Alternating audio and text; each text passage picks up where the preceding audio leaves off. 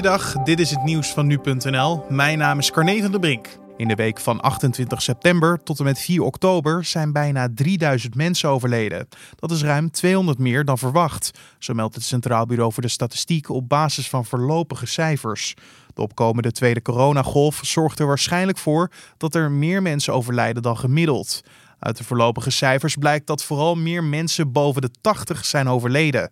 Wat opvalt is dat de stijging sterker is onder de bevolkingsgroep die niet in een verpleeghuis zit of andere zorg ontvangt in het kader van de wet langdurige zorg. In de eerste coronagolf overleden juist opvallend meer mensen die langdurig zorg ontvingen. De verkiezingen voor de nieuwe president van de Verenigde Staten zijn pas op 3 november, maar ruim 6,6 miljoen Amerikanen hebben hun stem al uitgebracht. Volgens professor Michael McDonald van de Universiteit van Florida en de man achter het Elections Project duiden de voorlopige cijfers op een recordopkomst van 150 miljoen stemmen. Zo'n opkomst zou de hoogste zijn sinds 1908.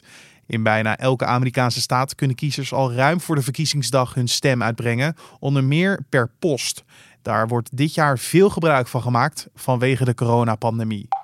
De wolf manifesteert zich steeds vaker in Nederland. Dit jaar zijn tot en met september 66 aanvallen door een wolf gemeld, terwijl dat in heel 2019 slechts 25 keer voorkwam. In vrijwel alle gevallen zijn schapen het slachtoffer, zo meldt de provinciale natuurorganisatie bij 12.